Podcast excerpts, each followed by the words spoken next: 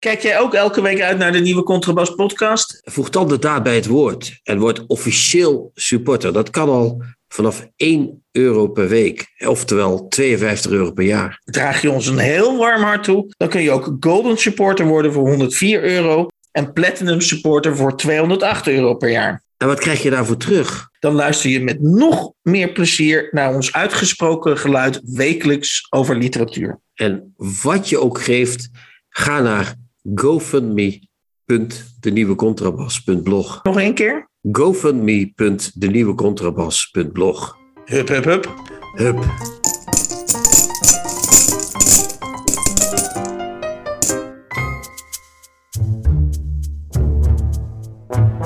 De nieuwe Contrabas.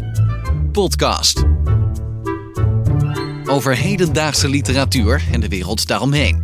Met Chrétien Breukers, een elitaire Limburger. En Hans van Willigenburg, zomaar een Zuid-Hollander. De 51ste aflevering, Chrétien. Go, go, go. Ja, oorlog, oorlog, Hans. Zowel in, de, zowel in de podcast als buiten de podcast, zal ik maar Ja, zeggen. Zou, zouden we dan toch invloed hebben? Ik denk het wel, ja, ja. Als wij het boek Oorlog en Oorlog gaan bespreken, dan eh, denkt Poetin, nou, daar kan ik niet achterblijven natuurlijk. Veel nog even, eh, misschien, misschien doet hij nog een donatie. Hij schijnt een eh, oorlogskast te hebben van 600 miljard euro, heb ik me Ja. Ja, ik zag gisteren ook dat hij ook nog geld heeft om bij de Champions League te adverteren. Want ik zag Gazprom werd, was, was een van de adverteerders van, Ja. van, tegen Benfica tegen Ja. Ajax. Dus ik zou zeggen, Vladimir, als je dit hoort, tussen je drukke werkzaamheden door. Heel subtiel bruggetje dit naar, eh, dit naar onze luisteraars en eh, naar, de, Ja. de- naar de stand van de donaties, vind je niet? Ja, ja vind ik ook, ja. ja, Eh, we, hebben, we, hebben, we hebben intussen 30 donaties. Ik ga eventjes, even, de, even de huiswerkgegevens doornemen. 30 donaties zijn binnen. Daar zijn we natuurlijk hartstikke dankbaar En voor. ik heb, ik heb nog vier toezeggingen van mensen die er nog Oké, aankomen. Ja. de, de kleinste donatie is 5 euro en de grootste donatie is 450 euro. We zitten zo rond de 23 à 2400 euro. En dat betekent, eh, luisteraars, dat u ons waard acht dat wij eh, afgaand, eh, even ervan uitgaan dat we 50 uitzendingen per jaar eh, maken, dat wij een, eh, een, een eh, budget hebben per aflevering, eh, wat tot nu toe gedoneerd is, van 40 à 50 euro. Dus dan ga ik even hoofdrekenen. Dan moeten we dat verdelen onder jou en mij, Kritje, en onder, en onder Erik Lindenburg. Dus dan, dus dan, Nou, dan- zit, je, dan zit je ongeveer... Dan krijgen wij niks meer. op, Dan een- zit je ongeveer op een supermarktloon van, van 15 euro, eh of Nou. grosso modo op 15 euro per, per uitzending. Nou, toen ik de krant rondbreng, bracht, in, en dat is echt lang geleden, toen verdiende ik meer, geloof ik. Maar goed, oké. Nou mensen, bedankt voor, deze, voor, dit blijk van vertrouwen. Maar er is, er, is, er is hoop, Hans, toch? Want er kan nog gegeven worden. En wel op Ja, gofundme.denieuwecontrabas.blog. Dus ik zou zeggen, luisteraars, put your money where your mouth is. Of andersom, put your mouth where your money is. ja. En ga naar die pagina. Hoe heet die ook Ja. alweer? Zeg jij het ook nog Een keer? GoFundMe, het de nieuwe contrabas.blog. Ja, punt. Ja, ja, dan ben je heel... Ja, ja, ja. ja, niet Maar, maar ik, ik, ik wil de duimschroeven toch ietsje meer aandraaien. Daarna eens, gaan we ja. gelijk met de uitzending beginnen. Hoe, wat, wat, wat denk jij nou? Eh, ik, ik wil een beroep een beetje op dat. Niet, niet, dat luisteraars per se een geweten hebben, maar er zijn toch wel veel mensen die zich beroepen op het hebben van een geweten. Wat Mhm. vinden we nou ten diepste eh, eh, van mensen die wel luisteren? Dus dat zijn er zo'n 5 à 800 mensen per uitzending, maar die nog niet gedoneerd hebben. Hoe kunnen we die kwalificeren? Nou, dat is vroeger, Hans, weet je nog, dat we toen we televisies hadden, weet je wel, van die ouderwetse. Ja, Toen, toen kreeg je één keer per jaar kreeg je de inspecteur van, eh, van, eh, van, eh, van het eh, kijk- en luistergeld aan de deur. Weet je dat nog? Ik heb, ja, eens een keer een ik heb zelfs een keer een bekeuring gehad, want ik was te laat met die, tele- met die televisie in een kast zetten. ja dat noemden we toen zwart kijken, toch? En dat zijn dus zwartluisteraars, Hans. Of nee, ik la- zal ik me direct richten tot onze luisteraars. Lieve mensen, als jullie luisteren zonder te doneren, dan zijn jullie zwartluisteraars. Het mag, maar echt fijn is het voor ons niet. Ja, en, en, en het, het vervelende is dat wij dus geen inspecteurs hebben die we langs eh, dan naar huis eh, kunnen sturen. Nog niet, Hans. Nog niet. dat valt er niet in. Oké. Oké. Dan hebben we natuurlijk eh, meneer Joris Luijendijk met, de met de zeven vinkjes. Ehm, eh, wij hadden onszelf beloofd, Kreetje, dat we alleen op dat boek zouden terugkomen als we er echt iets aan toe te voegen hebben. En eh, ik geloof dat jij vindt dat we aan alle mensen die iets over het boek eh, eh, gezegd hebben, dat jij, daar nog, dat jij daar nog iets aan toe te voegen hebt. Dus. Nou, ik weet niet of ik er iets aan toe te voegen heb, maar ik begon het te lezen. Met, met, en, en er was natuurlijk een, een lawine aan publiciteit geweest, Ja. enorm. En dus ik dacht, ja, ik weet alles al over dat boek. En dat is in zekere zin ook waar. Maar toen ik het begon te lezen, moet ik je zeggen, Hans, en dat zal je misschien als een verbazing komen. misschien zal het je verbazen. Ik, ik werd geboeid door het boek. Mhm. Ik was, ik was, ik heb het, maar ik heb het anders gelezen, denk ik, dan het bedoeld is. Ik heb het gelezen als een soort mea culpa, dus als een bie- een biecht. Nou, zo is het ook wel bedoeld. En namelijk, hij wil Ja. zijn eigen, zijn eigen eh, privilege wil die aan, de kaart, eh, eh, aan de kaak stellen. Mhm. Maar, maar wat ik, ik, ik las het ook nog verder, bijna als een soort wan, wanhoopskreet van een man, Joris Luijendijk, eh, een man van de jaren 50, denk ik, hè? 50 is die Ja, ongeveer. 50 jaar. precies 50 jaar, die eh, bang is dat hij de, de, de, de- voeling met de tijd kwijtraakt en daarom maar vast in de, in de zelfbeschuldiging schiet, eh, voordat Mhm. hij, eh, voordat hij eh, eh, gecanceld wordt. Ja. En dat gaat hem natuurlijk nooit lukken, want je wordt door de woke-beweging altijd gecanceld als je niet bij de woke-beweging hoort. Dus dat is een. Het, het deed mij denken aan een biecht. denk aan Savonarola, de, de, de, de, de monnik die tot de brandstapel veroordeeld was en zijn memoires opschreef voordat hij daar naartoe werd gebracht door de Borgia's, door de, door de paus. Ja. Eh, of denk aan mensen die bij Stalin eh, in de rechtbanken stonden en zichzelf eerst moesten beschuldigen voordat ze Ja. werden af, afgeknald. Nou, ik heb dit boek, De Zeven Vinkjes, dus gelezen als een wanhopige biecht van iemand die weet dat het binnenkort is afgelopen. Binnenkort, En eh, het komt- ontroerde komt, jou, eh, of dat viel je het- mee? Of dat, het viel me en mee, want, maar dat- niet dat hij het zo bedoeld heeft, maar daarom viel het me mee, omdat ik het zo kon lezen. En, eh, en, en, en Joris Luijendijk is, is heel erg eh, wanhopig, echt. En dat, dat heeft mij ontroerd. En wat er, er zit nog een aspect in, wat ik ook prachtig vond. Want hij vindt dan dat hij privilege heeft, en dat vindt hij heel erg. En, maar dan aan het eind van het boek, ik weet niet of jij het ook gelezen hebt. Ja, ja, ja, eh, ja. dan gaat hij, naar, dan gaat hij als voorbereiding gaat hij allemaal van die praatsessies organiseren in Ja. bedrijven. Allemaal dik betaald natuurlijk, allemaal privilege, Hans. Maar goed. en dan gaat hij dan met mensen praten die soms moeten huilen omdat ze ook privilege hebben. Dan zie je een baas van een bedrijf en die begint dan ook te huilen. Die wordt dadelijk ook opgehaald, Hans. Neemt, neemt u maar geen koffietje mee, is niet nodig. Heeft u niet nodig voor als u naar de gulag gaat. We hebben alles daar. En dus dat zijn allemaal van die wanhopige mensen die, die rondkrioelen in een bak met geld. En, Ja. en Joris Luijendijk zit ook in dat pierenbadje en hij weet, oei, oei, oei, oei, het gaat een keer fout, maar het, en het is zo fantastisch. Ja, daarom vond ik het, eigenlijk, eh, eh, ik las het misschien anders dan het precies bedoeld was, maar daardoor vond ik het ontroerend. Ja. Ja. Nou, w- wat ik er nog eventueel aan kan toevoegen is dat in De Groene, je weet wel dat blad waar ik ooit voor gewerkt Ja, heb. ja, hoe lang heb je daarvoor gewerkt?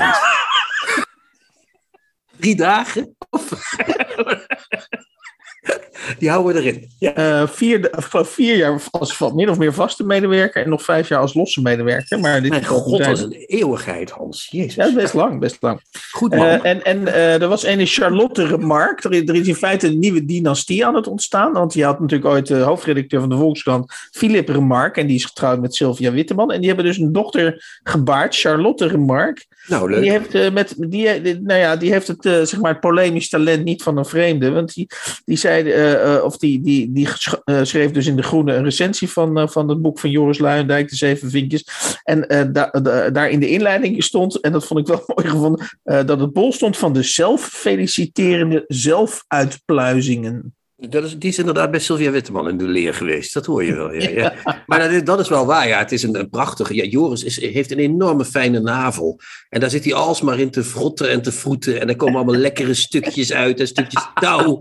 En dan, en dan maakt hij zo. En dan doet hij dat, op- dan doet hij dat op zijn hand. En dan neemt hij er een likje aan. En denkt hij. Oh, lekker zout, denkt hij dan. Heerlijk is het, ja. Ja, nee, het is echt een prachtig... Ja, ik heb het echt als een zeer fijne leeservaring eh, ervaren. Maar het is, ik zou niet graag... Nou, voor het geld zou ik Joris Luijendijk wel willen zijn, maar voor de rest toch liever niet. eh, nee. Oké, eh, dan gaan we even naar een laat ik zo zeggen, nee, we gaan even naar Joost Omen. Zoals we alle weten is de relatie, of de, het huwelijk tussen tv en literatuur een beetje ongemakkelijk. Niemand heeft daar tot op heden de gouden formule voor gevonden. En als er ergens ook niet de gouden formule werd gevonden, was het eh, bij een recente uitzending van Dit is M. Waarin Margriet van der Linden ehm, in gesprek gaat met Joost Omen. En Joost was Omen leuk, legt ja, daarin ja. uit dat hij. eh, hij reist naar Zuid-Italië en gaat daar poëzie voordragen voor vissen. En in plaats van dat eh, Margriet hier smakelijk om kan lachen, eh, gaat ze daar hele serieuze vragen over stellen. En hoe kwam het dat je jezelf die vraag stelde? Ja.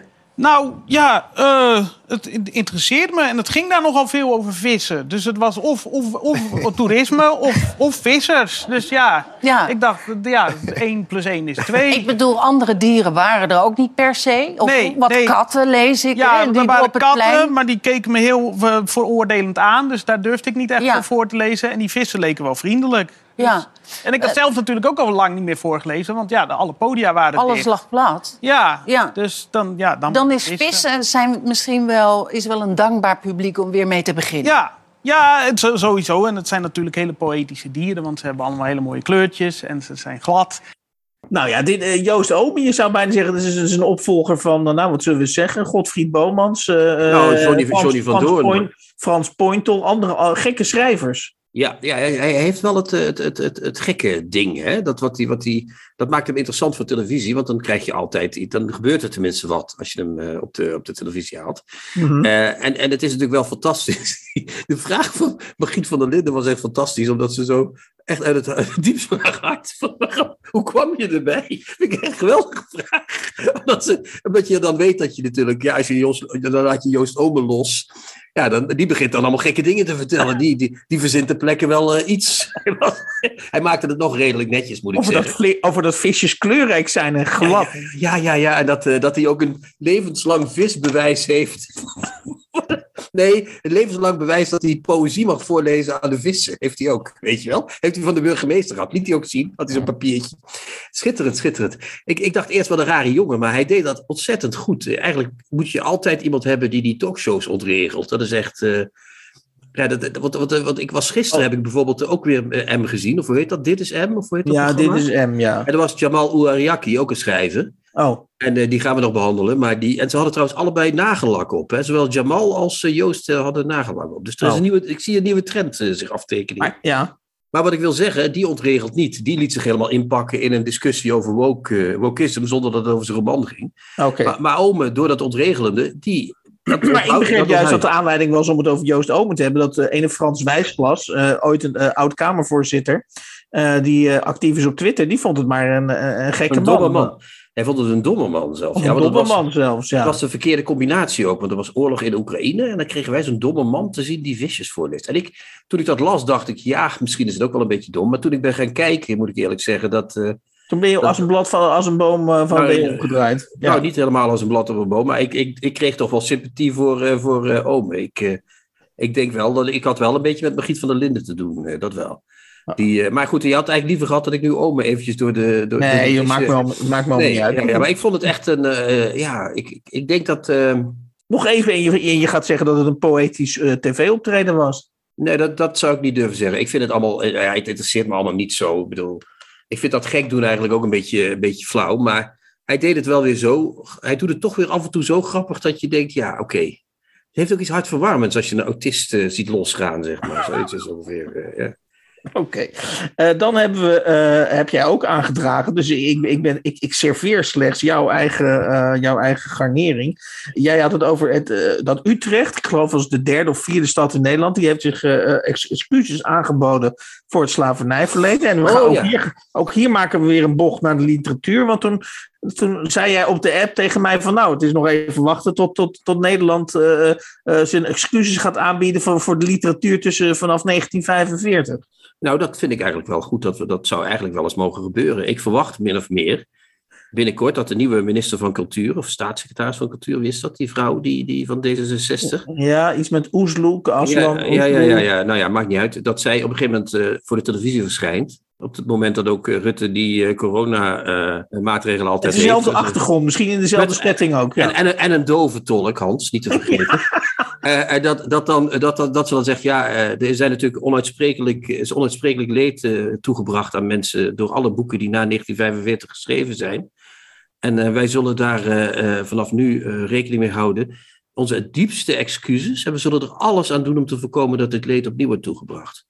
En, en dan verwacht ik ook dat daarna. Wat voor maatregelen verwacht je dan? Eh, nou, ik verwacht ook dat de, boeken, de boekhandelaren, die moeten zich daarbij aansluiten. Het is natuurlijk zo dat de boekhandels, die moeten leeg vanaf dat moment. Alle boeken eruit. En ik zou zeggen, ja, verbranden is een wat nare associatie natuurlijk, want dat, dat, dat levert meteen weer ellende op. Maar ze hebben tegenwoordig hele knappe versnipperaars. En dan beginnen we gewoon met nieuwe boeken. En dan krijgen we, en dan krijgen we een commissie met wijze mannen. Joris Luijendijk, zat ik zelf aan te denken, Hans.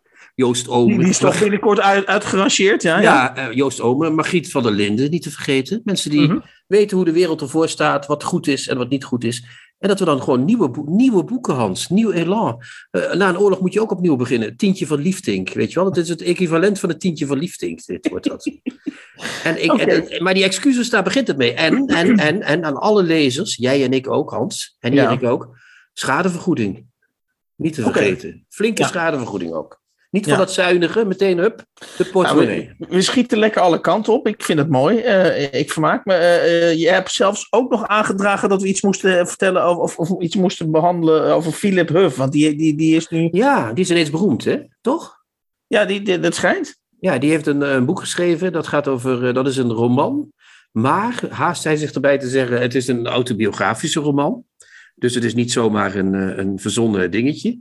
Daarin speelt, eh, eh, eh, hoe heet dat, eh, huiselijk geweld een rol. Dat zou hij dan zelf ook... Ja, en, en wat het extra pikant maakt, is dat hij is in, in een van de meest bevoorrechte omgevingen in Nederland opgegroeid. Laren, geloof ik. en daar was het dus helemaal niet zo leuk. Nee, nee. Nee, en, en, en, en, het rare is dat Nederland, dan het, dat Nederland het dan weer raar vindt dat het in Laren niet zo leuk was. Terwijl als, als je Laren wel eens binnenrijdt, dan weet je dat het daar niet leuk is. Maar goed, ga door. Ja. Ja. het enige wat je daar te doen hebt is je kinderen slaan ongeveer in Laren, toch? Maar goed, ehm, maar die- dat, Wat je van bloed weet, heet dat boek. En dat, ineens is hij overal ook in talkshows en op de televisie en in kranten. En het is Philip Huff voor en Philip Huff na. Ik weet niet of je het je nog herinnert, eh, maar er was een voorganger van Brommer op Zee, dit heette Mondo. Daar was Philip Huff min of meer Ja, de was ook, gast. En daar was hij altijd eh, iedereen eh, op een eh, manier de maat aan het nemen dat ik dacht, gadverdamme. Wat een vervelend mannetje. Maar nu is hij dus ineens een beroemde schrijver. En Ja, ja, ik, ik, ik, ik ben heel nu gefascineerd draait je door... mening ook over Philip Huff, of niet? Nee, ik heb dat boek nog niet gelezen. Mijn, mijn, ik vond alleen zijn allereerste boek goed. En de rest heb ik eigenlijk nooit zoveel aangevonden. Maar wat ik wil zeggen is dat het heel snel kan gaan dus. Hè? Hoe, hoe snel zo'n carrière ineens, kaboom, ineens is het een beroemde schrijver. Ik vind dat heel misschien apart. moeten wij ook gaan schrijven. Ja, ik, eh, mijn ouders mi- mishandelden elkaar niet. Maar eh, misschien dat, je, dat we gewoon nog, nog dieper in ons eigen leven moeten gaan. Als we dat willen. Als we dat zouden willen. Hè. Dat, dat is eventjes... eh, Ja, misschien wel. Ik heb... ja, maar ik weet wel dingen, maar ja, dat kan ik nu niet zeggen natuurlijk, want dan is alles al weg. eh, ja. Maar, maar die, die, die, het, het, het, het gaat mij meer om... De, we hadden het over Prometheus eh, en eh, Amy Koopman vorige week. ja, eventjes van, ja, dacht dat dat omslag misschien goed gekozen was aan de titel om de zweefmensen mee te krijgen. Maar dit is ook Prometheus. Ik moet zeggen dat ze hier wel eh, PR-technisch gezien een flinke slag eh, geslagen hebben. goed. We, we gaan het lezen of, of slaan we dit over? Of valt dit, al- of valt dit in de categorie? Wordt er al heel veel aandacht aan besteed. Dus dat doen we, dat doen we juist niet. Ja, we kunnen het zien. Ik weet het niet. Ik, ik, ik vind het meer, het ging mij meer om de fascinatie dat iemand in één week beroemd kan worden. Vind ik heel apart, vind ik dat. eh, ja. Dus eh, ik hoef, als het niet hoeft, dan gaan we het gewoon niet lezen. Oké, laatste vraag. Eh, zou Poetin, wat zou de favoriete roman van eh, Vladimir Poetin zijn, denk jij? Eh, ja, eh, schuld en straf. Hè? Schuld en boete. Ja, natuurlijk. En nu is hij aan de boetekant bezig, zeg maar. Hij is nu, hij is nu aan het innen in de Oekraïne.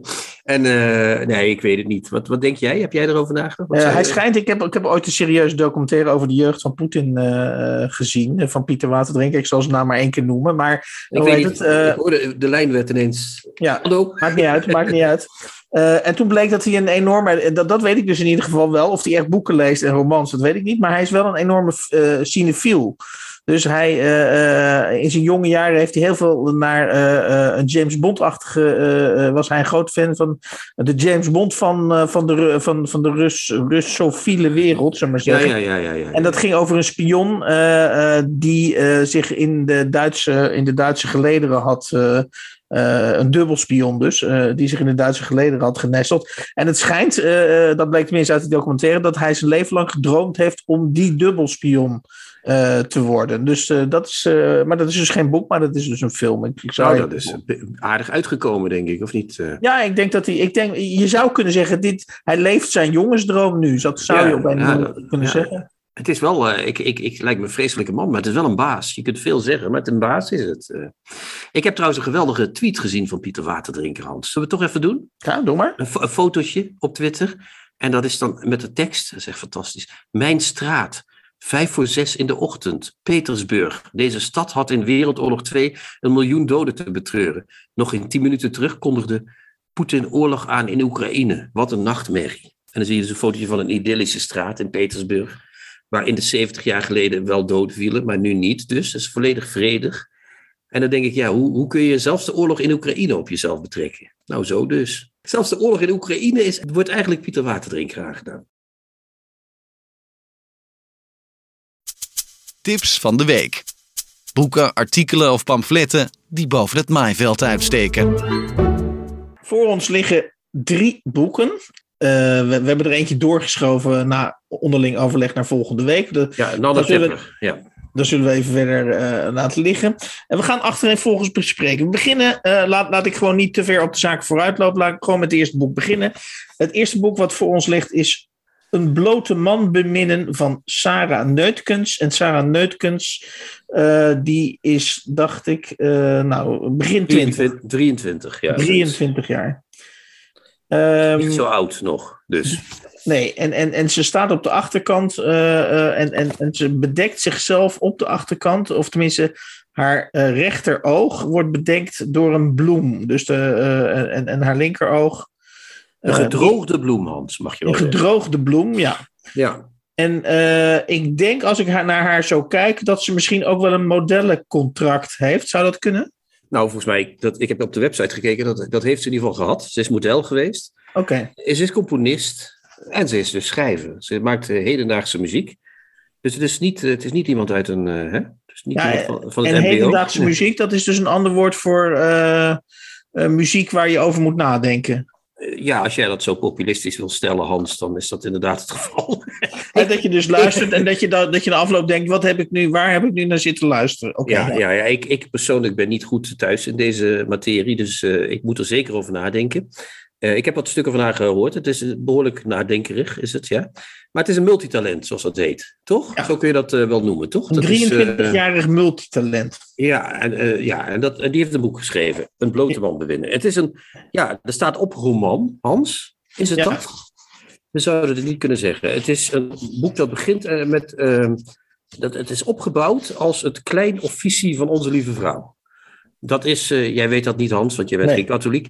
Maar dat is een soort, uh, gebe- uh, dat komt uit een gebedenboek, uit de middeleeuwen. En daarin staat een hele volgorde van gebeden die je tijdens uh, de dag kunt houden om God te eren. Dus dat hele boekje van haar is opge... Want het is, sorry, ik zeg boekje niet vervelend bedoeld, maar het is alles bij elkaar uh, 118. Maar, maar is dat een ontdekking van jou? eh, die, of, of, of staat het er gewoon in? Want ik heb het niet. eh, ik kan het, dat het, dat het, zeg maar, dat het, dat het gel- gelijkvormig is vormgegeven. Dan- Ja, ja het, staat, het begint toch ook met het kleine officie van onze lieve vrouw, hoofdstuk 1. Oh ja. En, en dan Ja, krijg ik je lees de... over dat soort religieuze verwijzingen dus heen. Dat Oh, oké. En dan krijg je de Lauden, dat is 's ochtends.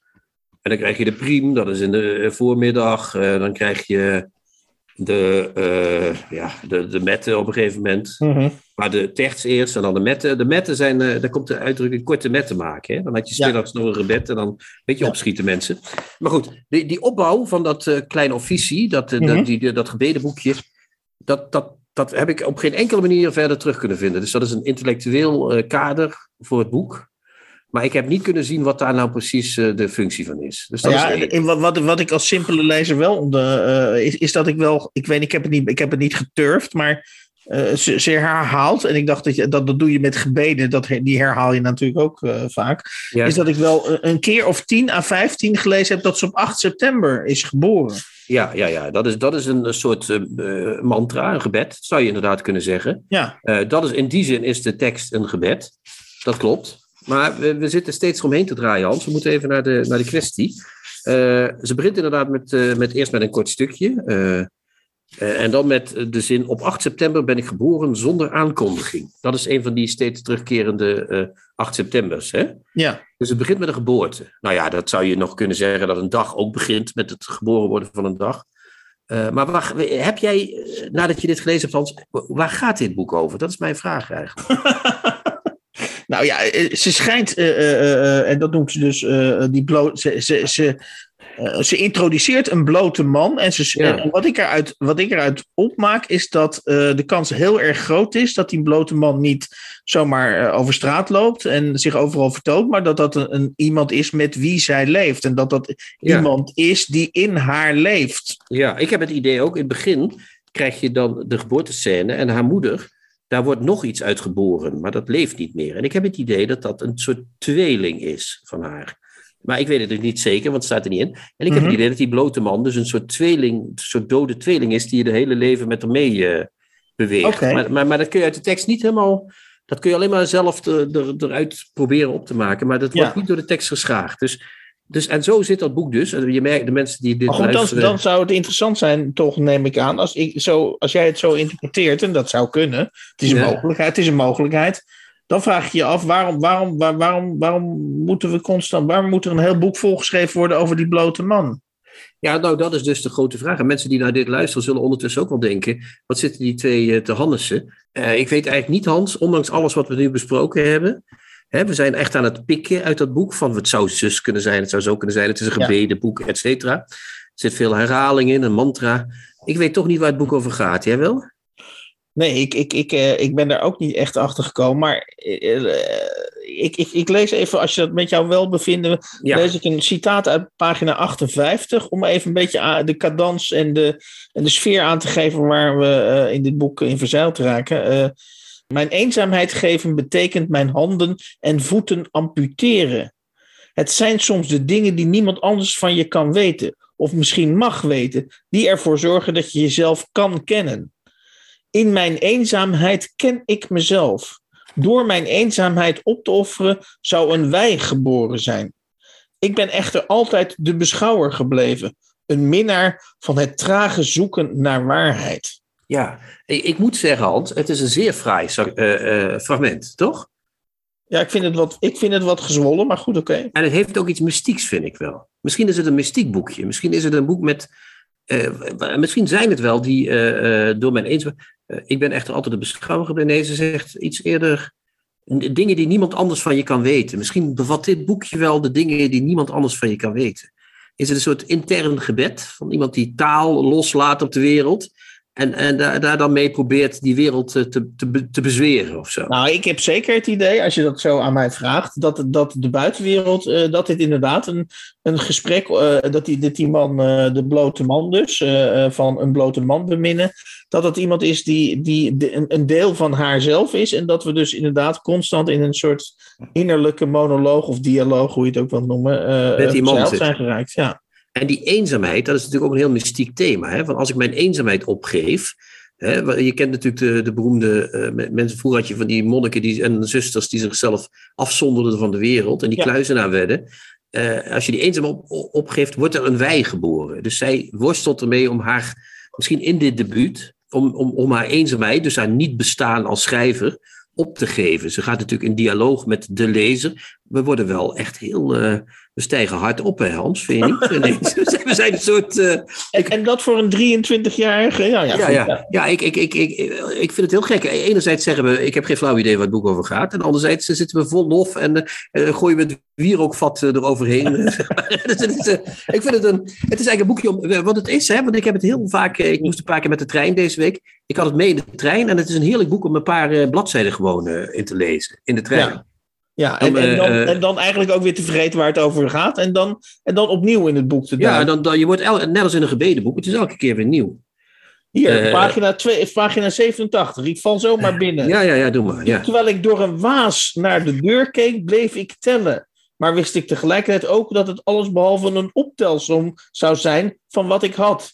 Het was een meedogenloze vermindering. Ja, fantastisch eigenlijk. Ja, ik zou ook niet precies weten wat het is, Hans. Maar het is wel een meedogenloze vermindering. Dat is toch prachtig gezegd, of niet? eh, eh? Nou, ik, Ja. laat ik het zo zeggen. eh, wat, wat, wat ons eindoordeel verder ook is. En of we er ooit achter komen waar, waar het boek over gaat. de- laten we dat even in het midden. Ik denk wel dat we nog meer van Sarah Neutkens gaan horen. Ja. Dat denk ik wel. Ja, ik, ik ga nog. Ik, eindig, ik, gooi, ik, ik gooi hem eruit met een Gewoon citaat. gewoon nog eens een leuk citaat Ik denk ja. dat Sarah dit tegen ons wil zeggen. Ik wil een voyeur zijn van mijn eigen herinnering. Over de schouder meekijken van mijn eigen fictie. Het is niet eerlijk dat ik van je houd. Je hebt geen keuze.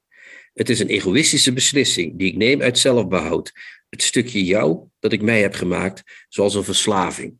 Nou, dat heeft ze met ons gedaan. Dus denk ik. Probeer, ik eh, probeer me dan een psychiater voor te stellen. En, en dat Sarah Neutkens dan op jouw eh, sofa ligt. En dat ze dan dit zegt. Ik zou, ik zou als eh, psychiater zeggen van go, go, go. Waarheen? Go, go, go.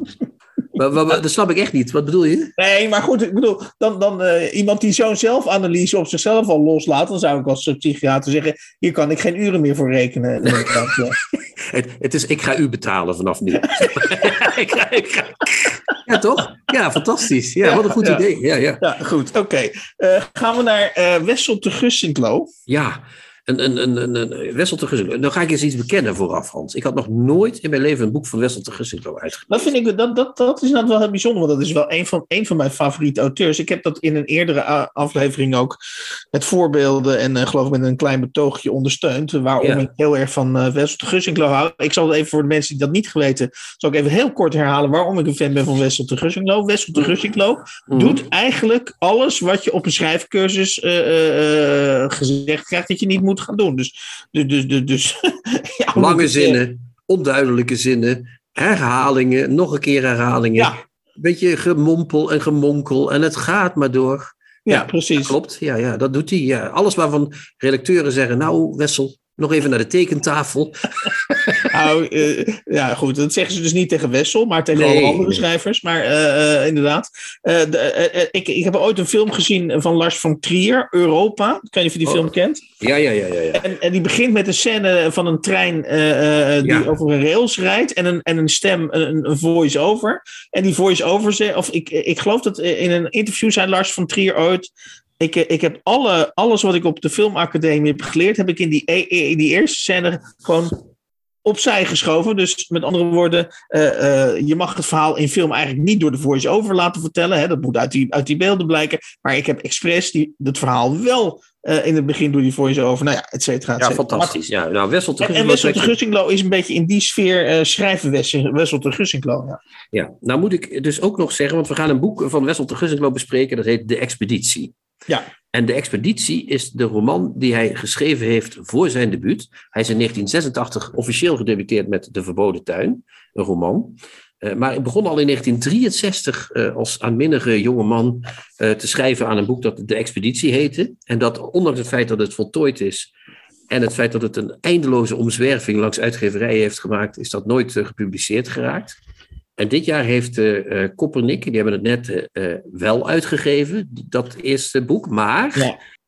Wa- Was de reden niet dat Wessel aan zijn einde zit? Nou ja, dat dacht ik, maar het bleek, ik, weet- ik weet het niet zeker. Ik kreeg het idee dat er, dat er, wat, dat er wat ziekte speelde. Maar ik las laatst ook weer ergens dat het wel meeviel. Dus nu weet ik het ook allemaal niet meer. oké, oké. Maar in ieder geval, hij is wel het oeuvre duidelijk aan het afzomen. Dat is een ding wat zeker is. Maar ze hebben niet alleen de expeditie uitgegeven, dus dat eerste boek van hem. Maar ze hebben, want ze dachten natuurlijk ook, ja, het eerste boek van iemand, ja, dat klinkt ook weer zo, eh, de mappen moeten leeg. Nee, dat boekje zelf is eh, in de druk 160 bladzijden. En daarin heeft, de Wessel, daaraan heeft Wessel de Gussinklo een nog iets langer essay toegevoegd. Nou ja, de Dat uitgever heeft hem misschien toegevoegd. Ja, nee, dat essay is geschreven door de Gussinklo. Ja, Oh, de uitgever. Ja, die, heeft, eh, die, die vertelt in dit... eh, in Op dit verzoek van de uitgever wellicht. Oké, ja. dat, dat, ja, maar het is opgedragen aan de uitgever. Maar het heet Het Meesterwerk, dat essay. Eh, en dat is of, het, een soort kruising tussen een essay en een autobiografische beschouwing. En daarin, en, en da- daar sloeg ik erg op aan, want daar wil ik ook op focussen. Ik heb nog nooit zo'n bizar essay gelezen van, van een Nederlandse schrijver die eh, vertelt over zijn werk. En die ook, zelfs, want het was dus in 63 dat hij eraan begon, aan eind jaren 60 dat hij dat boek probeerde uitgegeven te krijgen. Ja, Eh, nee, ja, die, ja. zo, die zo lang met zijn wrok en wraak rondloopt eh, tegen sommige mensen die, die, toen, die hem toen eh, niet eh, herkend hebben. Eh, Het is net, de- net de olifant van de Rolo. Zeg Even maar. om de chronologie goed te houden. Hij, hij beweert, tenminste, ik heb dat boek De Expeditie gelezen, dus ik heb precies het andere deel. Dat heeft hij, voor- tenminste, dat beweert hij, in drie maanden geschreven. Dus ja, dat- ja. daar was hij in 63 mee klaar. Ja, en toen heeft hij dat eerst allemaal mensen laten lezen. Ja, Ja. Dat is, ik, ik, ik kom daar nog op terug in dit essay. Oké. Dat, ik kom, ik kom er nog oké. op terug. Hij, hij begon dat met dat te schrijven. En hij vond dat natuurlijk, want hij was jong, hij vond dat geniaal van zichzelf. Ja, maar dat is het leuke aan Wessel de Gussinglo. Je zou, van elke schrijver die zou zeggen, nou laat ik een interview niet beginnen met, met, het, met zeggen dat ik geniaal ben. Maar zo'n Wessel de Gussinglo, die begint daar wel gewoon mee. Ja, die, is niet, die steekt zijn eigen licht niet onder de korenmaat. Vind ik heel sympathiek, vind ik dat, moet ik eerlijk zeggen. Ja, vind ik heel grappig ook als, als mensen dat doen. Maar hij is ook, hij, hij eh, beschrijft in dat essay dus de hele gang van zaken van zijn oeuvre tot zijn debuut. Van 63 tot 86, Hans. Ja, dus hij heeft 23 23 jaar. jaar. heeft hij in het vage vuur van het literaire. eh, Ja, dat, en dat kun je ook wel zeggen als je dit essay eh, leest, want dan beschrijft hij dat vage vuur ook. Hij is 44, geloof ik, als hij uiteindelijk debuteert. Ja. Eh, dus eh, 22 als hij dat boek schrijft, eh, of 21 als hij dat boek schrijft. En de wrok die hij daaraan over heeft gehouden, Hans, nou, daar kun je nog wel 20 boeken van stoken, van die wrok. Hij is boos. Hij is boos op jeugdvrienden. Eh, hij was goed bevriend met Kees Owens. Die heeft hij, eh, schrijft hij, eigenlijk zijn talent doorgegeven. Daarmee is Kees Owens eh, eerst groot geworden en daarna is hij helemaal vastgelopen in zijn oeuvre. Enerzijds is hij boos op Owens, anderzijds voelt hij zich daar schuldig over. Hij is boos op Thomas Schafdijk, die hem niet in de revisor wilde opnemen. Hij is boos op Tom Martin Ros, uitgever van de Arbeiderspers, die wel verhalen van hem in maatstaf zet, maar zijn boek niet uitgeeft. Hij haat Martin Ros echt. Het is echt fantastisch. Haatproza, maar eh, Hans. Dat is echt de manier waarop hij Martin Ros afkampt met die bigge stem van hem, zegt hij dan. Schitterend. Hij maakt hem echt helemaal met de grond gelijk. Hij heeft één keer, heeft Komrij hem genegeerd op een receptie. Nou, Wessel Gussinglo heeft er nog tien bladzijden voor nodig om, om, daar het, eh, om daar de ammoniak van uit te zweten van die, van die gebeurtenis. En, en, en ondertussen heeft hij dus maar de tijd... grap is dat het voor jou nieuw is, maar ik ken die boeken van de Gussinglo en mij verbaast het dus helemaal niet. Maar Nee, door. nee, nee. Ja. Maar, en, en dan, heeft hij ook, dan heeft hij ook de hele tijd erover dat hij in zijn boeken, ja, ik ben wel goed en ik, ik kan het wel, hè, de expeditie, een goed boek. Maar, het, en dan komt hij op een gegeven moment, Grombolfiets komt hem in handen bij, bij, bij, eh, bij Kees Ouwens thuis. Goeie oude Wietold, ja. Ja, Wietold de, de, de, de, de- ja, Wietold de oudere. En eh, dan, eh, nee, maar de pornografie, zo'n soort boek. Die, Gombrowitz had het begrepen, ik heb het ook begrepen. Ik ga een nog beter boek schrijven, weet je wel. Ja, ja. Daarom duurde het ook 23 jaar voordat hij debuteerde, Hans. Want dat is natuurlijk niet gemakkelijk om, om zo'n soort boek te schrijven. Dus hij begint te vroeten en te schrijven. En hij gaat in een oud zomerhuisje eh, wonen. Dat Mhm. geloof ik komt ook in een van die boeken voorschijnt. eh, Zeer helder licht of zo wordt dat genoemd. Eh, dat, Ja. hij, gaat in een, hij mislukt min of meer. Hij heeft een vrouw en die vrouw die is ook zo langzamerhand wel zat met Wessel. Want die Wessel die zit daar maar de hele tijd dat ultieme boek eh, te schrijven, Ja, weet je wel. ja. En, en dat gaat maar door. En dan op een gegeven moment heeft hij de verboden tuin. Dat is waar hij dan mee debuteert. Het worden losse verhalen. Dat plakt hij allemaal aan elkaar. Dat wordt een manuscript. Dat gaat naar, dat gaat naar Ros. En dat wordt weer niet. Dat, dat, drie jaar later krijgt hij dat terug, die map. Met een, met een afdrukje van een klein boekje erop. Dat heeft gewoon drie jaar in de zon gelegen bij Ros. Ja, als, er nou als er nou één iemand is inderdaad die, die in alles, eh, inderdaad, en dat blijkt dus kennelijk ook uit, de, eh, want dit moet ik dus nog lezen. Eh, ik heb alleen het begin hiervan gelezen, maar hoe heet het? Ehm, ehm, als er nou iemand, een schrijver is die, die in, zijn, in zijn hele bestaan schrijven ademt, dan is het inderdaad wel Wessel de Gussinklo. Ik denk dat zelfs hele, hele be- begeisterde schrijvers als, als Harry Mulisch en, ehm, en eh, W.F. Hermans, eh, die natuurlijk ook eh, gedreven waren. Ik- schrijvers, daar- daarvan kan ik me nog voorstellen dat ze wel eens vrije tijd hadden. Of dat ze op een gegeven moment iets weglegden en dat ze zeg maar, ja, ik weet niet, een, een boodschap eh, gingen doen. Maar bij Nou, Wessel de. Gussinklo, bij Wessel de Gussinklo heb je het idee dat hij zelf in de supermarkt, als hij door de supermarkt loopt, dat hij bewijs en hij pakt gewoon een, een, een, een, laten we zeggen, een rol kaakjes. Dat, dat dat nog met schrijven te maken heeft bij hem. Ja. ja, alles heeft met schrijven te maken. Ik, weet, ik heb het idee dat hij wel een beroepsleven had, maar daar heb ik geen flauw idee van. Eh, Maar eh, eh, ik, ik, zal ik eens een stukje voorlezen hoe Ja, dat allemaal gaat. dat, doe dat, doe dat. Hè, dan is de verboden tuin is weer eens afgewezen door Martin Ros, die, die, dan de die dan de historische zin schrijft. Ik zie u op den duur nog wel eens met een dun, fijnzinnig boekje bij ons uitgegeven worden. Dus dat is ook woest is die. Het is echt verschrikkelijk. Hoe kan die Ros het zeggen? Zeg, wat een flauwekul. Maar goed, en dan intens depressief. Hè? Welke schrijver durft nou intens depressief Ja, te wie- zeggen? dat- Hans? Dat, ja, staat er gewoon. Intens depressief, door iedereen uitgespuugd, corrigeerde ik verder. Hè? Je ziet ook de zwoegende Wessel. Ruim een half jaar later was het boek klaar. Ruim een half jaar later, als het boek dan al klaar was. Nog een keer helemaal door de molen, een half jaar lang. En mensen zou wel mindere maagsfeer krijgen. Afgerond. Het stadion, het stadium, sorry, waarin je een woord schrapt en daarna door twijfel overvallen weer toevoegt. Het gevaarlijke stadium van overconcentratie, waarin elke tekst door de veelvuldige omgang ermee leeg en onbeduidend wordt. Loslaten dan, ik liet los. Zes jaar later is het boek onveranderd. Geen woord, geen letter in die vorm gepubliceerd. Tussen haakjes. Ja, schitterend toch? Echt, heeft hij een half jaar zitten timbangen en Het, doen. het, het, enige, het enige jammer is eigenlijk dat, dat, zijn, dat, zijn, dat zijn oeuvre of, of zijn leven zou je zelfs kunnen zeggen, want dat valt er deels samen natuurlijk, maar Ja. eh, dat het een soort happy end heeft. Want hij heeft natuurlijk uiteindelijk wel erkenning gekregen. Ja, En hij heeft nu de Boekenbonprijs. de ja. Boekenbon Literatuurprijs gewonnen. Dus dat vind ik eigenlijk een beetje, eh, dat vind ik niet passend bij de figuur Wessel de Gussinglo. Dat hij aan het eind van zijn leven ook nog gewoon keurig gelauwerd wordt. Maar goed, eh, Ja, maar wat ik, wel, wat ik wel merk is, eh, volgens mij, want hij is typisch een protestante schrijver. Dat zegt hij zelf ook ergens. Dat is ja, dat, ja, ja, ja. dat, enorme, dat enorme lijden voor het woord. Hè? Dat woord, het woord, het woord. En ik denk dat hij ook niet blij is met die prijzen. Dat hij eigenlijk diep in zijn hart. Want hij, hij vond Komrij ook. eh, de die hadden we dus een keer op een receptie niet goed behandeld. En Komrij heeft hem ook eens gebeld om te informeren of hij interesse had in een boek. En toen heeft die Komrij aan de telefoon gewoon afgesnauwd. Zo is hij ook wel weer. Hè? Hij is niet zo van eh, vergeven en vergeten en eh, niks aan de hand mensen. Geen netwerker is het. Ik denk dat hij naar die jury heeft gekeken van die Boekenbonprijs en dacht, nou, dat zijn toch eigenlijk geen mensen die mij een prijs kunnen geven. Dus dat hij zelfs daar nog mee, eh, in, in, in, in- dat dat toch nog niet helemaal goed gevallen is. Heel protestants, kortom. Ja. En echt protestant, dus dat viel me echt op. Ik denk dat ik er daarom altijd omheen gelopen ben. Maar ik moet zeggen, Hans, dat ik na dit, dat ik, ik, ik, ik weet niet hoe die expeditie is dus. We hebben het een beetje naar voren getrokken omdat ik zo enthousiast was over dit essay. ja. Want ik echt, ik, ik, ik, ik zou echt, Ja, dat, dat, die roman, de, expe, het, of de Expeditie, die, die heb ik bij ik halverwege. Die is Ja. echt eh, fantastisch. Die kan ik echt aanbevelen. Dus, Oké. eh, maar Ja. die, ook de manier waarop die Kaal Pol, hè, de, iedereen haat Kaal. Pol. Als je dat hoort, KL Pol van NRC Handelsblad. Iedereen Ja. haatte die man vroeger. Nou, hij beschrijft hem echt als een heilige. Het is niet, want die redt hem uiteindelijk. Hè. Die zegt, ja, dat is de eerste die, hem, eh, die ooit wat in hem zag. Eh, Ja, die zegt, u ziet dingen die anderen niet zien. En dan gaat hij dan dat briefje, dat gaat hij dan eerst, dan zit hij thuis. Hij, komt, hij is ergens geweest, Ja. komt thuis, vindt dat briefje. Dan gaat hij ook zijn vrouw wakker maken. En dan gaat hij dat voorlezen.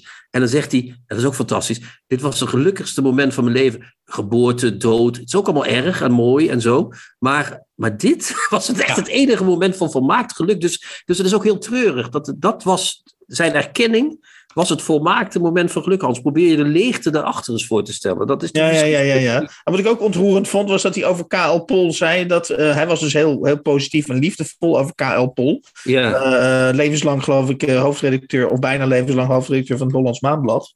En van de boeken van NRC natuurlijk. Hè? Ja, maar het leuke was dat hij dus, eh, en dat vind ik dan ook wel weer heel ontwapenend van, eh, en, en, en geestig van die, van die eh Wessel is dat hij zelf toegaf dat hij zo, of dat hij zo enthousiast was over Kaal Pol, dat Kaal Pol op een gegeven moment tegen hem begon te zeggen, val me nou niet steeds in de reden, hou er nou eens mee op. Dan- omdat, hij zo, omdat hij zo enthousiast meedeed en is over, over het commentaar van Kaal Pol. Ja, Hij, hij wou zijn handen wel kussen. En het, het, het slot van het essay, Hans, is ook geniaal. ja. Dan, dan, dan krijgt hij dus de verboden tuin komt uit. Ik weet trouwens nog dat ik hem toen, dat was in 86, toen verscheen ook de houtgreep van Zwageman. ja. En hier, toen woonde ik ook in Nijmegen, net zoals nu.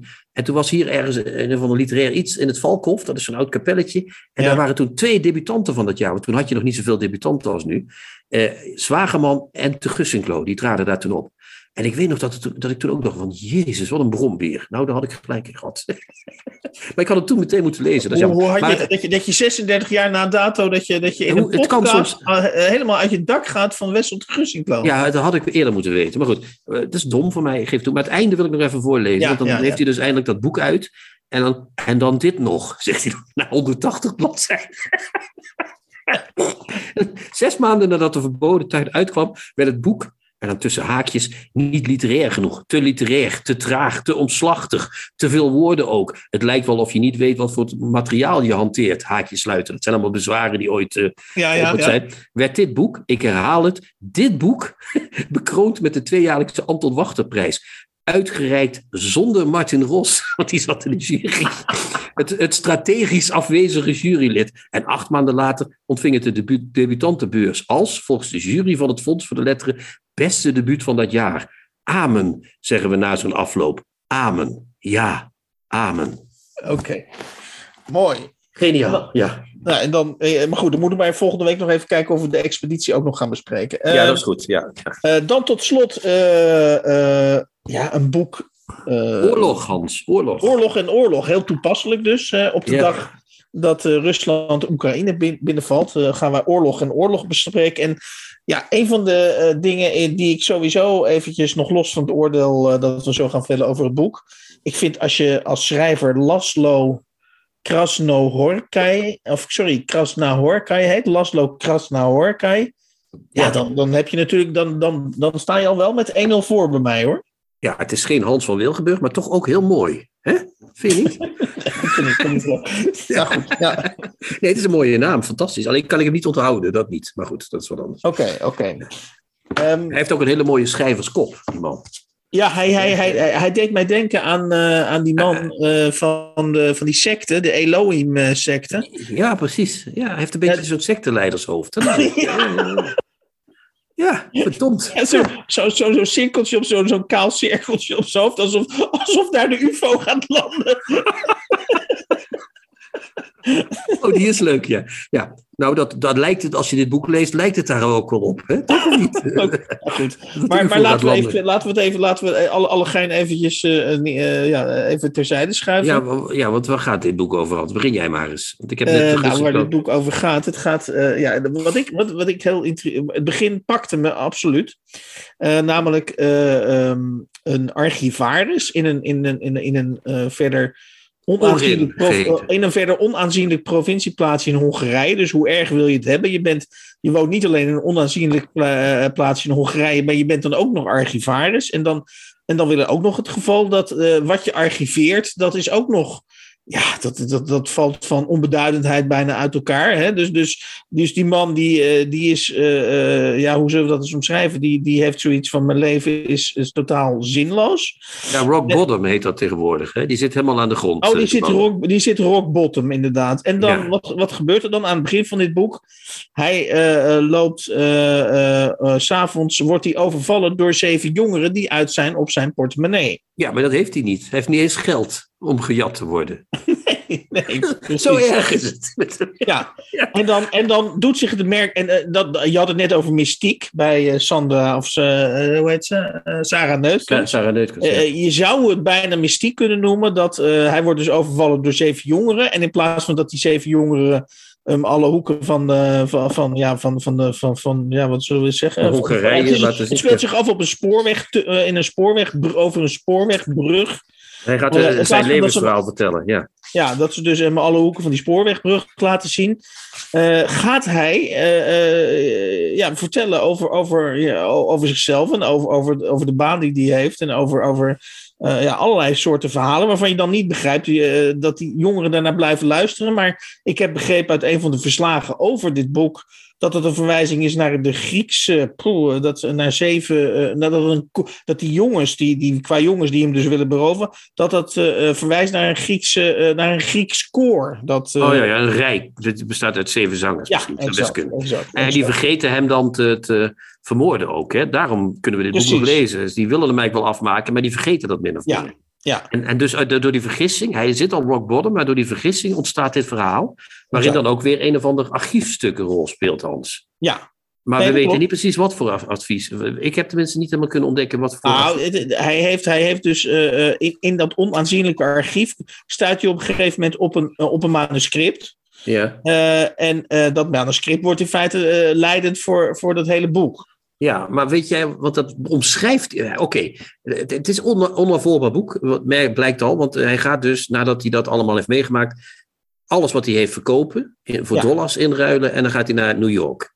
Daar komt hij bij een of andere vertaler in huis te wonen. En tegen de minnares van die vertaler, er wordt ook steeds nadrukkelijk gezegd minnares, niet vrouw of niet Mhm. vriendin. Tegen de minnares van die vertaler vertelt hij steeds over dat archiefstuk. Ja, Maar dat gaat allemaal via, via, via, via. Dus je krijgt dat archiefstuk zelf niet te lezen. klopt. Maar hij vertelt wat er in dat archiefstuk gebeurt. Dat- Dat is ook weer een heel Grieksachtig verhaal over een eiland met mensen en allerlei gebeurtenissen die ongetwijfeld betekenis hebben. Maar ja, die mag jij dan ook eh, proberen te eh, Nee, dat, vertellen. dat manuscript gaat dus over eh, vier mannen en die, ja, die komen terug uit een oorlog. Dat, Ja. Vandaar dat het boek Oorlog en Oorlog eh, heet. En die ja, zijn, ja, ja. En die zijn Maar- dus op zoek naar, vre- naar vrede. eh, eh, of die, die gaan terug naar huis in de verwachting dat ze, dat ze daar minder geweld zullen, zullen tegenkomen dan in die oorlog.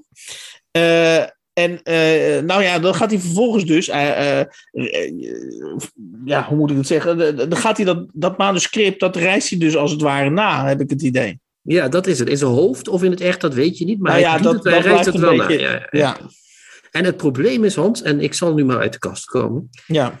Dit boek heeft alles wat ik van een goed boek verwacht.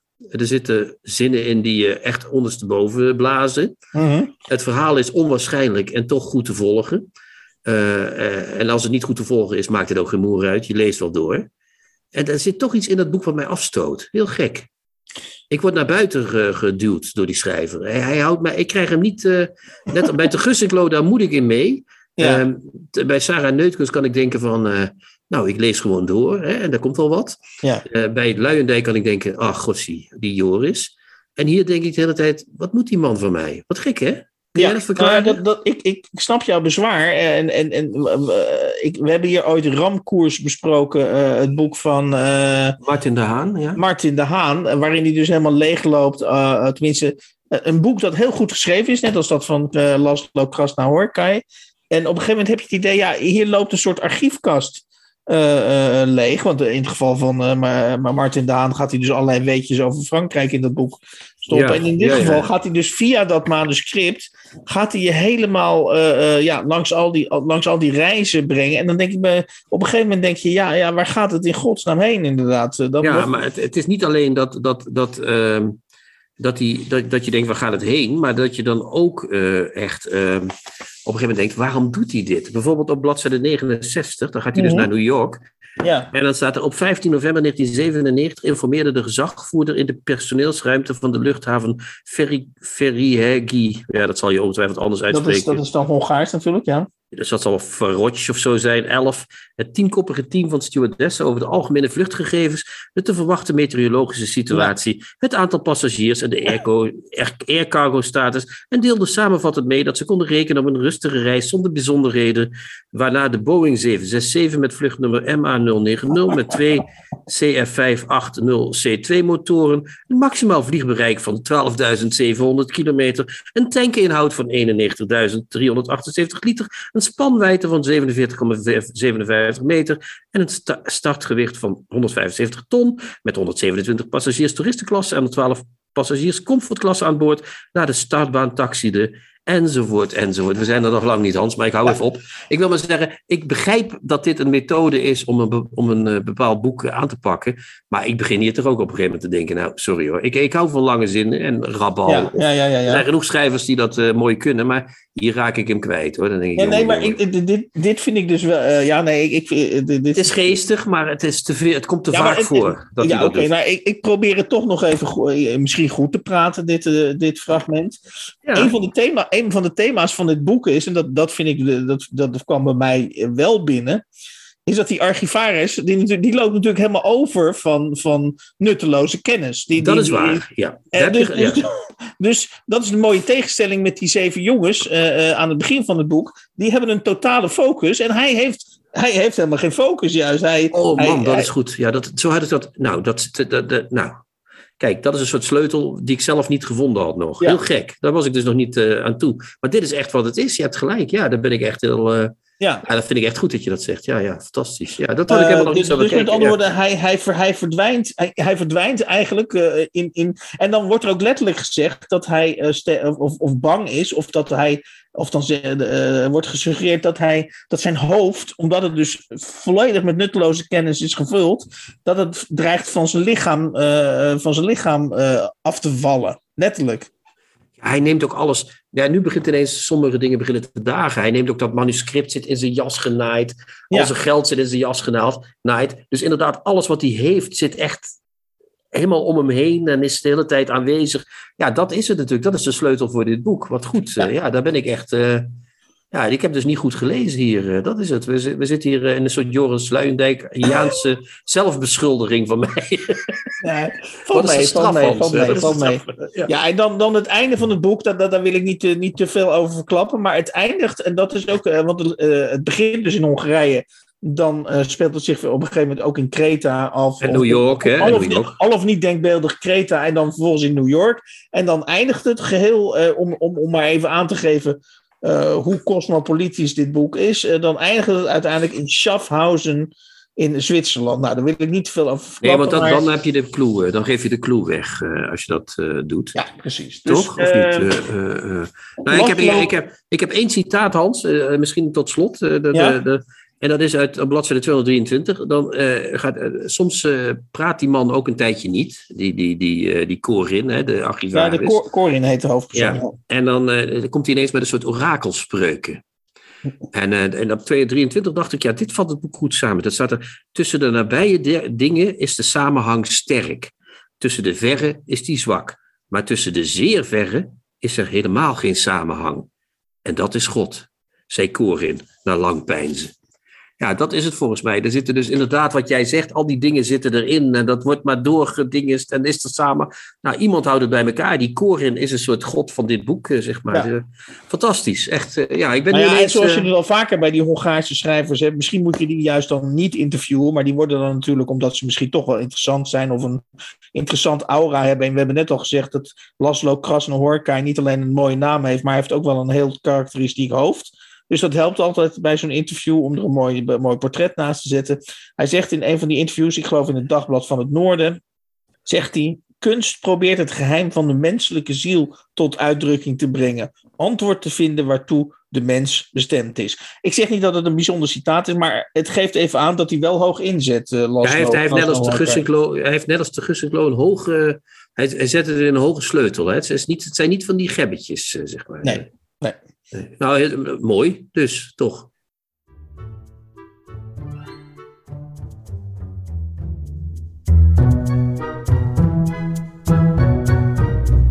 De nieuwe Contrabas. Podcast. De 51ste aflevering van de nieuwe Contrabas podcast loopt op zijn eind. Eh achtereenvolgens eh, hebben we de volgende boeken besproken. Allereerst eh, helemaal in de intro de zeven vinkjes, eh, eh, inmiddels wel bekend en veel besproken. Van Joris Luijendijk, ondertitel Hoe mannen zoals ik de baas spelen.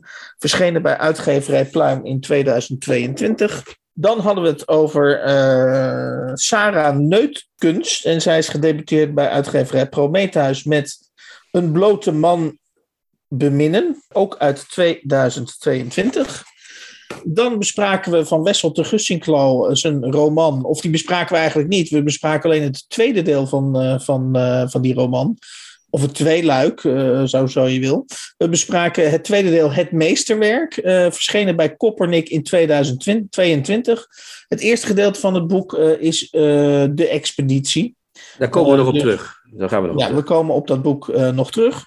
En dan hebben we als laatste het boek eh, Oorlog en Oorlog. Het was een hele reis voor ons om dat een beetje te duiden, dat boek, op een inzichtelijke manier. Maar uiteindelijk is het ons redelijk gelukt. Het boek is verschenen bij uitgever Wereldbibliotheek, ook in 2022, en is vertaald.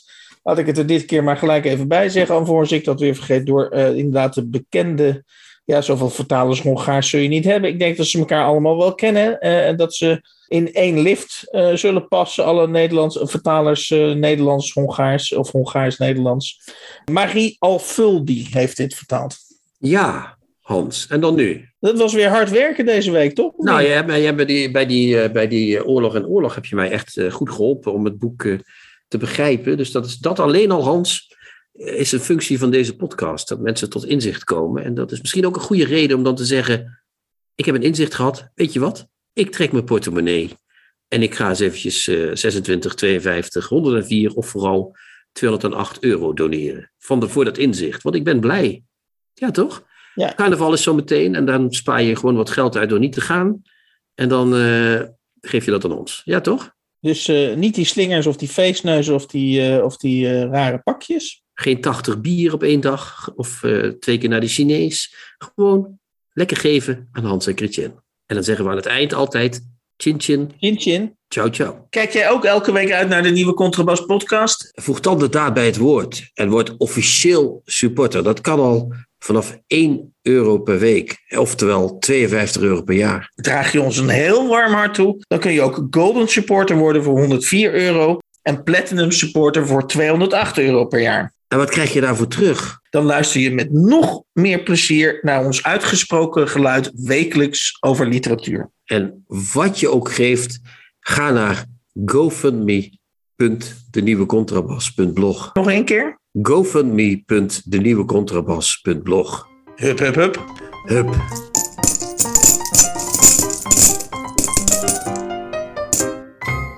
De nieuwe Contrabas podcast wordt gemaakt door Chrétien Breukers, Hans van Willigenburg en Erik Lindenburg.